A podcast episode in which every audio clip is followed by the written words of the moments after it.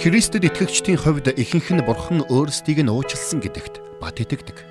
Тэр бүхэл өөрсдийг нь гомдоож хохироосон хүмүүсийг ч тэд уучлж чаддаг. Харамсалтай нь бусдыг уучладаг шиг өөрийгөө уучлж чаддаггүй итгэгчид цөөнгүй бий. Христэд итгэгчид бид өөрсдийнхөө үйлдэлсэн буруу үйлдэлийг уучлахын аргагүй ноцтой хэмээн үзэж өөрсдийгөө буруутгах нь ялалсаар байдаг. Гэтэл энэ нь бид Христийн загалмайн үйлсийг бүрэн дүүрэн ойлгож ухаараагүйтэй шууд холбоотой юм. Тэгвэл доктор Стенли бидэнд өөрөө өөрийгөө уучлж чадахгүй байх нь ямар хор хөнөөлтэй болохыг тайлбарлаж өгөх болно. Мөн бидэнд өөрсдийгөө уучлахын тулд ямар алхмуудыг хийх ёстойг зааж өгөх болно. Ингээд хамтдаа доктор Стенлиг өгтөн авцгаая.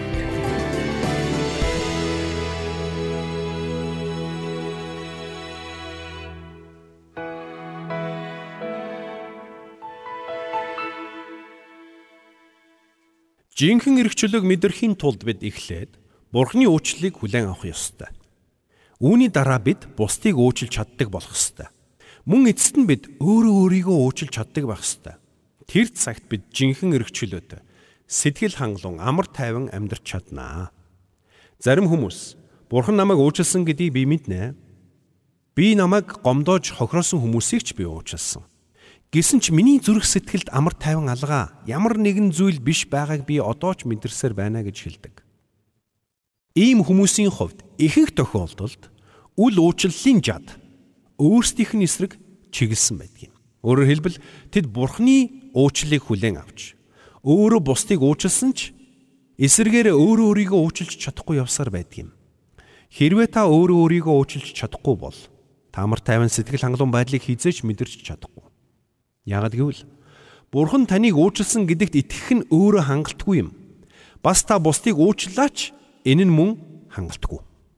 Учир нь та юуны түрэнд өөрөө өөрийгөө уучлж сурах ёстой. Ингээд хамтдаа Библийг нэгэд харъя. Бурхан бидний хэрхэн уучлсан тухай өгүүлсэн нэгэн гайхамшигтай хэсгийг гарган уншицгаая. Хамтдаа дуул номын 103 дугаар бүлгийг нээгээд 10-аас 14 дугаар ишлэгийг гаргаад уншийе. За би танд дуудаж өгье хилэнцэд минь тааруулан ханддаггүй билээ. Тэрээр бидэнд гин буруугаар манч хариулаагүй билээ. Учир нь Тэнгэр нь газрын дээгүр өндөрт байдаг шиг өрн дорноос хол байдаг адил гимт үйлдлийг маань биднээс тэрээр тин холдуулсан. Эцэг хүн хөвгүүдээ өрөвддгийн адил эзэн өөрөөс нь эмэгчдийг өрөвддөг. Учир нь хэлбэр дүрсийг маань тэрээр мэддэг. Биднийг тоос шороо гэдгийг ч санаж байдаг юм а гэсэн баг.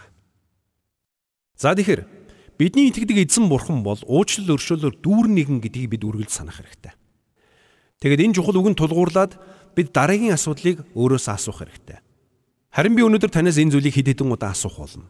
Та анхааралтай сонсоорой. Хэрвээ таныг бурхан уучлсан юм бол хэрвээ таныг бурхан уучлсан гэдгийг та мэддэг юм бол танд өөрөө өөрийгөө уучлахгүй байх шалтгаан бий гэж юу? Учир нь өөрийгөө үл уучлах нь бусдыг үл уучлахаас ямар ч ялгаагүй хор хөнөөлтэй юм. Бурхан намайг уучлсан байхад би өөрөө өөрийгөө үл уучлалын шоронд хорсоор байх нь зүйд огтхон ч нийцэхгүй юм. Бидний гомдож хохироосон нэгнийг уучлахгүй байх шалтгаан шалтак бидэнд байхгүй гэж бид өмнө үзсэн. Тэгвэл бурханаар уучлагдж бурханы хүүхэд болсон та тэр тусмаа өөрийгөө уучлахгүй байх шалтгаан шалтак танд байхгүй гэсэн. Загалмаа дээр Есүс Христ бидний гим нүглийн төлөөсийг бүрэн төлсөн. Тинхүү бид Бурханаар уучлагдж амьд Бурханы хүүхдүүд болсон. Бурхан таныг уучлах үед та бүрэн уучлагдсан. Бурхан таныг инхүү бүрэн уучлсан байхад та өөрийгөө уучлахгүй гэж юу? Эндээс бид нэг чухал зүйлийг асуух хэрэгтэй болно. Тэр нь бид яагаад өөрсдийгөө уучлж чаддаггүй вэ гэсэн асуулт юм. Бид яагаад өөртөө хатуу хандаж өөрийгөө уучлахаас татгалздаг юм бэ гэсэн асуулт. Үүний цаад хид хідэн чухал шалтгааныг би танд хэлж өгье. Та бичээд аваарай. Яагаад бид өөрсдийгөө уучлж чаддаггүй вэ? Эхний шалтгаан. Хэрвээ та өөрөө өөрийгөө уучлж чадахгүй байгаа бол та Бурхны уучлалыг хүлээн зөвшөөрөхгүй байна гэсэн үг юм. Та дотор түр хүлээгээрэй. Бурхан намайг уучлсан гэдгийг би мэднэ. Зүгээр л би өөрөө өөрийгөө уучлж чадахгүй байна гэж бодож байна. Гэхүү? Тэгвэл би танаас асууя. Бүхнээс хүчтэй, бүхнээс ариун хайр инэрлэр дүүрэн өршөөнгүй инэрэнгүү тэр бурхан Бүхнийг мэдэх мэдлэгийнхээ дагуу таныг гим буруугүй хэмээн тооцож таны бүх гим нүглийг уучлсан байхад та яагаад өөрийгөө уучлах чадахгүй байгаа юм бэ? Хэрвээ та Бурхны тэр агуу уучлалыг хүлээн зөвшөөрч байгаа юм бол танд өөрийгөө уучлахгүй байх шалтгаан нь яг юу юм бэ? Бурхан таны үйлдэлсэн бүхнийг нэг нэгэнгүү мэдсээр байж тэр танд би чамайг уучлсан гэж хэлсэн юм. Танд Бурхны огт мэдэхгүй ямар нэгэн цоошин мэдлэг мэдээлэл байгаа юм биш үз. Үнэхээр тийм бий юу? Таны үйлдэлсэн гим нүглийн үр дагавар дотор Бурхны огт мэдэхгүй зүйл байгаа гэж та бодож байна уу? Үннийг хэлэхэд бид Бурхны уучлал өршөөлийг хүлээн аваад зогсохгүй. Хүлээн зөвшөөрөх учиртай. Хэрвээ энэ уучлал өршөөлийг хүлээн зөвшөөрөхгүй юм бол та өөрийгөө уучлах чадахгүй. Хэрвээ та өөрийгөө уучлах чадахгүй байгаа бол үнэн дээр та Бурханд итгэж чадахгүй байна гэсэн үг юм. Би бурханд итгэдэг шүү дээ гэж та хэлж байж болох юм. Харин би үгүй ээ. Итгэж чадахгүй байна гэж хариулна. Учир нь бурхан таны гим нүглийн бүх төлөөсийг төлж таныг бүрэн уучлсан гэд байхад та өөрийгөө уучлж чадахгүй байгаа нь та бурханы үгэнд итгэхгүй байгаагийн илрэл юм. Хэрвээ үйлдсэн бүх гим нүглийнхээ төлөөсийг та өөрөө төлөх байсан юм бол бурхан таны өмнөөс төлөөсийг төлөх хэрэг байсан гэж үү? Тэр таныг эргчлөөд болгохын тулд л таны гим нүглийн бүх төлөөсийг төлсөн биш үү? Гэхдээ мэдээж бид нэг зүйлийг ойлгох хэрэгтэй. Бидний гим нүглийн төлөөс бүрэн төлөгдсөн ч бид үйлдсэн нүглийнхээ үр дагаврыг гарцаагүй амсах болно. Тэгэхээр өөрийнхөө үйлдсэн гим нүглийн үр дагаврыг амсах нь нэг хэрэг. Харин өөрийгөө уучлахгүй байх нь үүнээс тис өөр хэрэг юм шүү. Гэтэл бид Бурхны уучлалыг хүлээн авч тэр бүхэл бусдыг уучлсан атлаа өөрсдийгөө уучлж чадахгүй байна. Сатанч биднийг үүн дээр дөрөөлөн хуурч мэхлэхийг оролцсоор байна. Тэр биднийг буруутхан яллаж өөрийгөө уучлах юм бол чи өөрийнхөө хийсэн хэргийг үгүйсгсэн хэрэг болно. Чи өөрийнхөө хийсэн хэргийн төлөөсийг төлөхөөс татгалцсан хэрэг болно хэмээн биднийг хуурч мэхэлдэг юм. Тэгвэл би танаас асууя. Таны гим нүглийн төлөөс үнэгүй байсан гэж үү? Үгүй ээ. Есүс Христ бидний гим нүглийн төлөөсийг бүрэн төлөхийн тулд загалмайн зовлон гэдэлсэн юм. Бурхны хүү загалмай дээр өөрийн цусыг урсгаснараа та бидний гимнүглийн төлөөсийг төлсөн. Бид Есүс Христийн энэ төгс төлөөсийн дээрээс өөр юу ч нэмэх шаардлагагүй. Хэрвээ та Есүс Христийн урсгасан цуснаас өөр ямар нэгэн зүйлээр дамжуулан аврагдсан гэж бодож байгаа бол та маш том эндүрч явна гэсэн үг юм шүү. Бурхны аврал нэгүсэл бол Бурханаас бидэнд урдаас бэлдэж өгсөн гайхамшигтай бэлэг юм. Үүнийг бид анханасаа хүлээн авах зохисгүй байсан. Бид үүнийг юугаар ч худалдан авч чадахгүй байх байсан. Гэтэл үүнийг мэдсээр байж бид үйлсээрээ аврагдсан мэт сэтгэлгээгээр амьдрах нь эргээд биднийг Бурханд таалагдахын тулд ямар нэгэн сайныг үйлдэх ёстой гэсэн бодол руу хөтөлж байдаг гэдгийг бид мартах ёсгүй юм шүү. За тэгвэл цаашлие. Ингээд бид өөрсдийгөө уучлж чадахгүй хоёр дахь шалтгааныг би танд хэлж өгье. Заримдаа бид өөрөө өөртөө урам хугардаг. Бурхан бидний амьдралд гайхамшигтай ажлуудаа хийж биднийг ямар гайхамшигтайгаар ивэж байгааг бид хардаг. Ингэхдээ бид Бурхан чин сэтгэлээсээ талархдаг. Гэтэл энэ бүхний харсаар байж заримдаа бид маш ноцтой алдаа гаргадаг. Тэгэд өөрийнхөө гаргасан алдааг харахтаа өөртөө урам хугарч сэтгэлээр ундаг юм. Бурхны хийсэн агуу үйлсэд талархаж, Бурхны хүссэн замаар алхаж явснаа гинтхэн бүдэрч замаасаа гарч орхидог. Үүнээсээ болоод бид сэтгэл санаагаар маш их гүн ундаг юм шүү. Би өөрөө ч ийм байдалд орж байсан. Тэгээд би хэсэг зур өөрийгөө уучлж чадахгүй маш их шаналсан. Гэхдээ хэсэг хугацааны дараа Бурхны уучлалыг санаж өөрийгөө ч уучлсан юм. Тэгээд би хэсэг хугацаанд өөртөө урам хугарсан байж гэдгийг ойлгосон юм. Магадгүй таач бас ийм байдалд орж байсан байхаа. Үнэн дээр бид өөртөө уурлаж, өөртөө сэтгэл дундуур байх үедээ өөрийгөө уучлахад маш хэцүү байдаг юм. Бүтлгүйтэж, алдаа гаргаж, бүдрэх үедээ бид өөртөө урам хугарч, улмаар өөртөө маш хатуу хандаж эхэлдэг юм. Өөрөөр хэлбэл өөрийнхөө бодсны дагуу хүн байж чадаагүйхийн төлөө мөн өөрийнхөө хүлээлтэд хүрч чадаагүйхийн төлөө бид өөртөө маш ихээр урам хугардаг. Хэрвээ бид бурханд өөрийнхөө үйлсээр хүлээн зөвшөөрөгдөнө гэж бодох юм бол бид хизээч энэ зовлонгоос ангижирч чадахгүй. Учир нь бид эрт өрөө хизээний цагт гарцаагүй алдаа гаргаж бүдрэх болно. Тиймээс ч маш олон хүн би бурхны урмыг хуглах байхаа гэхээс айж байна гэж хэлдэг. Хэрвээ таач бас ингэж бодож байгаа бол би танаас асууя. Та ямар тохиолдолд хэн нэгний урмыг хуглах вэ? Тэр хүн танаас ямар нэгэн зүйлийг хүссэн ч та тэр зүйлийг нь хийж чадахгүй тохиолдолд тэр хүний урам хуурна. Тийм үү? Гэтэл бурхан хэрвээ бүхнийг мэддэг юм бол таны хийсэн болон ирээдүйд хийх бүхнийг анханасаа мэдэж байсан гэсэн үг шүү дээ. Тиймээс таныг алдаа гаргах болно гэдгийг бурхан анханасаа мэдэж байсан. Тиймээс та түүний урмыг хугалж чадахгүй гэсэн үг. Өөрөөр хэлбэл таны амжилтаа хийсэн бүхэн болон хийж чадаагүй бүтлгүүцсэн бүхнийг чинь бурхан аль альнийг нь анханасаа ялгаагүй мэдэж байсан юм. Тиймээс бурхан хизээч өө чи дахиад л алдаа гаргачих уу? Яасан олон удаа алддаг юм бэ гэж хизээч дуалдахгүй. Яагаад тэр вэ? Яагаад гэвэл таны тэр бүх алдааг бурхан анханасаа мэдэж байсан. Бид өөрсдийнхөө болон бусдын урмыг хугалдагч харин бурханы урмыг бол хугалах боломжгүй юм шүү. Харин хэрвээ та өөрөө өөртөө урам хугараад тэр мэдрэмжээ дотроо хадгалсаар байх юм бол танд өөрөө өөрийгөө уучлах чинь тун амаргүй байх болно. За ингэж цаашлие. За тиймээс бид өөрсдийгөө уучлах чадахгүй гурав дахь шалтгаан нь буруутгалыг мэдрэх мэдрэмжтэй холбоотой юм. Заримдаа бид өөрийгөө буруутгах буруутгал дотор хитрхи удаан амьдрснаас болоод эсэргээрээ эргчлөөтэй байж чадхаа болчихдог. Буруутгалын мэдрэмжээсээ салчихвал жирийн амьдралаар амьдарч чадахгүй юм шиг тэдэнд санагддаг. Учир нь олон хүн энэхүү буруутгалын мэдрэмжээрээ өөрсдийгөө шахаж, өөрсдийгөө урагш түлхэж явдаг юм. Тиймээс тэр хөдөлгөгч хүч нь байхгүй болчихвол цаашид яах вүлээ гэсэн айц тэднийг эргчлөөтэй байхад нь саадуулдаг юм. Хэрвээ би эргчлөөтэй болчихвол би бүр ч илүү их нүгэл үлдэх юм биш үү гэж тэд боддог. Тэд өөрсдийгөө уучлж чадахгүй хитрхи удаан явсан учраас түүндээ бүр дасчхаад улмаар эргчлөөтэй амьдрахаас айдаг болчихсон байдгийг. Өнөөдөр өөрийгөө буруутгаж, өөрийгөө яллаж амьдрдаг маш олон хүн бий. Гэтэл Есүс таныг тэр бүх буруутгалаас чинь чөлөөлөхийн төлөө ирсэн гэдгийг та бидхи мартаарай. Үнэн дээр өөрийгөө уучлж чадахгүй байгаа. Өөрийгөө буруутгаж, яллаж байгаа. Тэр бүх хүлээснээс чинь чөлөөлөхийн тулд Есүс таныг аварсан гэдгийг та бидхи мартаарай. Гэхдээ Есүс тэр бүх буруутгалыг чинь хүчээр алга болохгүй.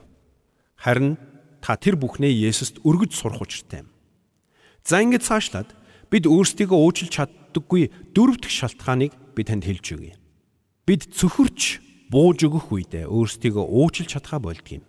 Бид ийхүү цөхөрч бууж өгөх үедээ Бурхны үгийн үннийг хүртэл хоош тавьж орхидог. Бид өнгөн дээрээ Бурханд итгэж түүнээс салбирэн гууж байгаа мэт харагддагч цаагаараа аль хэдийн цөхөрч гисэн явж байдаг. Ийм хүмүүстэй би цөнгүү таарч байлаа. Тэдэнтэй хамт суугаад Библийг гартаа барьж та Библийн үгэнд итгэдэггүй гэж асуухаар тийм ээ гэж хариулдаг. Тэгвэл хамт залбирая гэж залбирдаг. Гэтэл тэд залбирахдаа нэг хэвийн байдлаар залбирч тэгээд залбирч дууссан хойно өмнөхөөс огт өөрчлөгдөөгүй сууж байдаг. Яагаад гэвэл тэдний дотор сэтгэлгээнд асуудал байна гэсэн үг.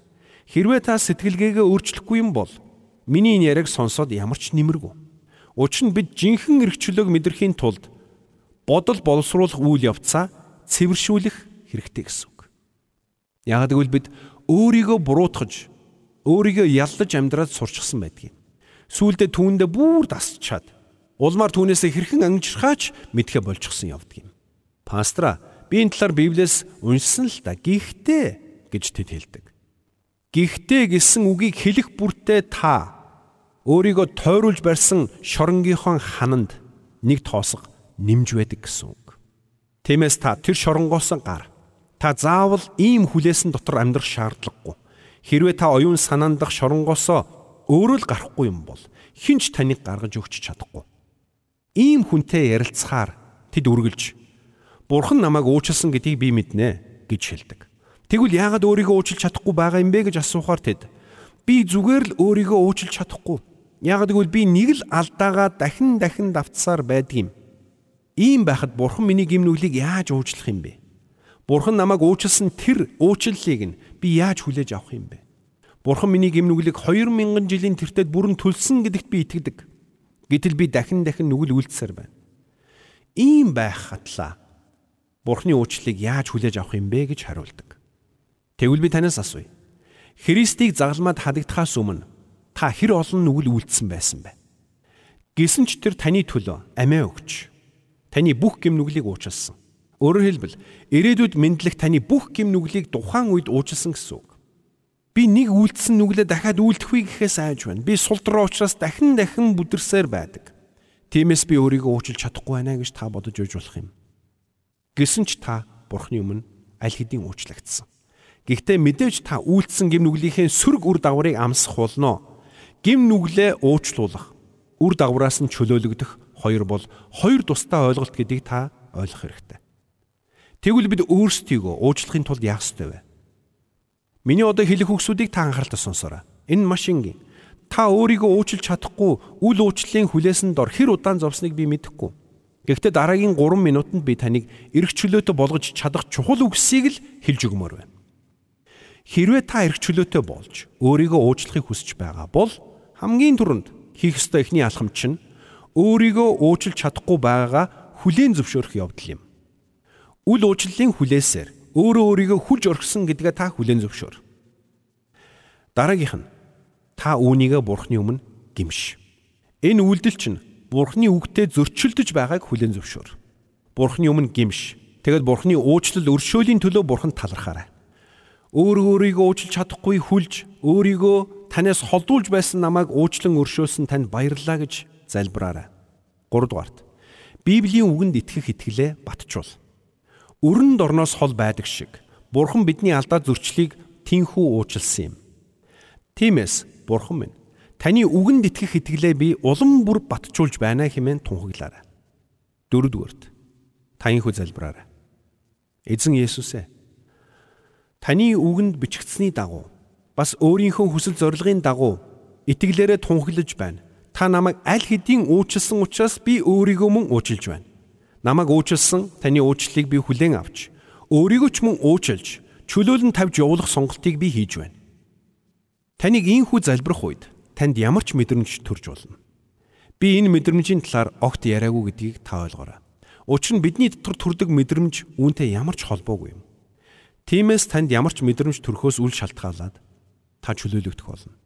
Учир нь таны энэ үйлдэл бол Бурхны үннийг итгэлээрээ хүлээн зөвшөөрч итгэлээрээ тунхаглаж буй үйлдэл юм. Таныг бурхан уучлж хүлээн авсан гэдэгт итгэж үүнийг хүлээн зөвшөөрч мөн бурханы өмнө гимшин бурханд бууж өгснөөрөө та өөрөө өөрийгөө үл уучлалын хүлээснээс чөлөөлж байгаа нь энэ юм. Ийхүү залбирах үед бурхан таныг хаа байгаа газар чинь эрх чөлөөтэй болгох болно. Үүний төлөө та заавал ямар нэгэн зүйлийг мэдрэх шаардлагагүй гэдгийг санаарай. Харин зүгээр л бурханы өмнө очиод бурхан минь ээ Та намайг уучлж хүлээж авсанчлан би өөрийгөө уучлж өөрийгөө үл уучлалын хүлээснээс чөлөөлж байна хэмээн залбираарай. Тэгээд та чөлөөлөгдөх болно. Тэр цагт таны нуруунд дээрээс хүнд ачаа авчихсан юм шиг л санагдах болно.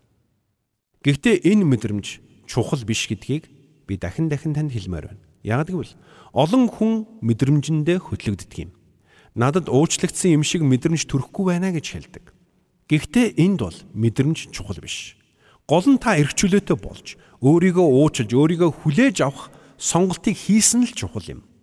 Тиймээс хэрв та миний саяын хэлж өгсөн энгийн атлаа чухал алхмуудыг хийх юм бол Бурхан таныг чөлөөлөө зогсохгүй таны дотор эдгэрлийн үйл явц тэр даруй эхлэх болно. Тэр үйл явц таны дотроос зогсолтгүйгээр үргэлжилсээр таны амьдралыг дотроос ч нь өөрчлөх болно. Тэр цагт та өөрийгөө эргчлөөтэй болсныг илүү мэдэх болно таныг эргчлөөтэй амьдралаар амьдруулахын тулд Есүс Христийг илгээсэн тэр л Бурхан танд жинхэнэ эргчлөөг өгөх болно. Энэ эргчлөөг сонгох сонголт нь зөвхөн таны гарт бий гэдгийг та битгий мартаарай. Хамт залбирцгаая. Бурхан эцэг минь. Бидний эргчлөөтэй болохын тулд өөрийнхөө Есүс Христийг бидний төлөө илгээсэнд танд баярлалаа. Ариун сүнс Бурхан минь. Уучлалын тухай өгүүлсэн өнөөдрийн энэ үгийг та сонсогч бүрийн минь зүрх сэтгэлд сийлэн үлдээж өгөөч. Тинхүү тэдний амьдралаас ариун их зөв үр жимсийг ургуулж өгөөч. Таны уучлал өршөөлийг хүлээн авсан хүн бүрийн амьдрал уучлал өршөөлөөр дүүрэн бэлхаасаа хэмээн би залбирч байна. Өнөөдрийн энэ үгсийг сонссон хүн бүр амьдралдаа ирэх өдрүүдэд, ирэх он жилүүдэд танаас ирэх гайхамшигтай эрх чөлөө хүлээн аваасаа хэмээн залбирч байна. Есүс Христийн нэрээр гуйла. Амен. Та Есүс Христэд итгэж Бурхны хүүхэд болсон л бол таны бүх гимнүгэл бүрэн уучлагдсан. Бурхан таны өнгөрсөн одоо ирээдүйн бүхэл гэм нүглийг бүрэн уучлж, таныг гэр бүлийнхээ гишүүн болгон хүлээн авсан. Тиймээс бидний хийсэн ямар ч үйлдэл биднийг хайрлах Бурханы хайрыг өөрчилж чадахгүй. Энэ гайхалтай үннийг ойлгож ухаарахаас илүү баяр хөөр аз жаргал гэж үгүй. Түүгээр зогсохгүй. Бид Бурханы уучлалыг хүлээж авах үед үл уучлалын хүлээснээс ч мөн чөлөөлөгддөг болохыг доктор Стенли бидэнд сануулan хэлж өглөө. Уучлалын тухай өгүүлсэн энэхүү цоврал маань таныг Есүс Христ рүү илүү ойртуулсан гэдэгт бид итгэлтэй байна. Гашуудлал номын 3 дугаар бүлэгт иш үзүүлэгч Иремья өгүүлэгтээ зовлон зүдүр болон тэнүүчтэлээ бодох тусам шарилж ба хормид гашуун. Ахуй сэтгэл минь үүнийг санах тусам алд биедээ агшиж гудайв. Гэвч оюун бодолдоо тунгаах тусам найдвар бас надад байна Эзний хайр инрэл дуустдаггүй. Өршөөл юунд нь төгсгөлгүй. Өглөө бүр энэ нь цоошин. Таны ихтгэлт байдал юутай авуугаа вэ? Эзэн миний хувь гэж амин сэтгэлээсээ би өгүүлдэг. Түүнд л хамаг найдлага минь буй. Хүсэн хүлээксэд хийгээд өөрийг нь хайгсдад эзэн сайн химэн шүлгэлсэн байдаг. Үнэхээр бурхан таныг уучлсан. Тиймээс өнгөрсөн амьдралаа түүнд өргөж ирээдүйг чинь гайхамшигтайгаар өөрчлөхийг түүнд зөвшөөрөөрэй.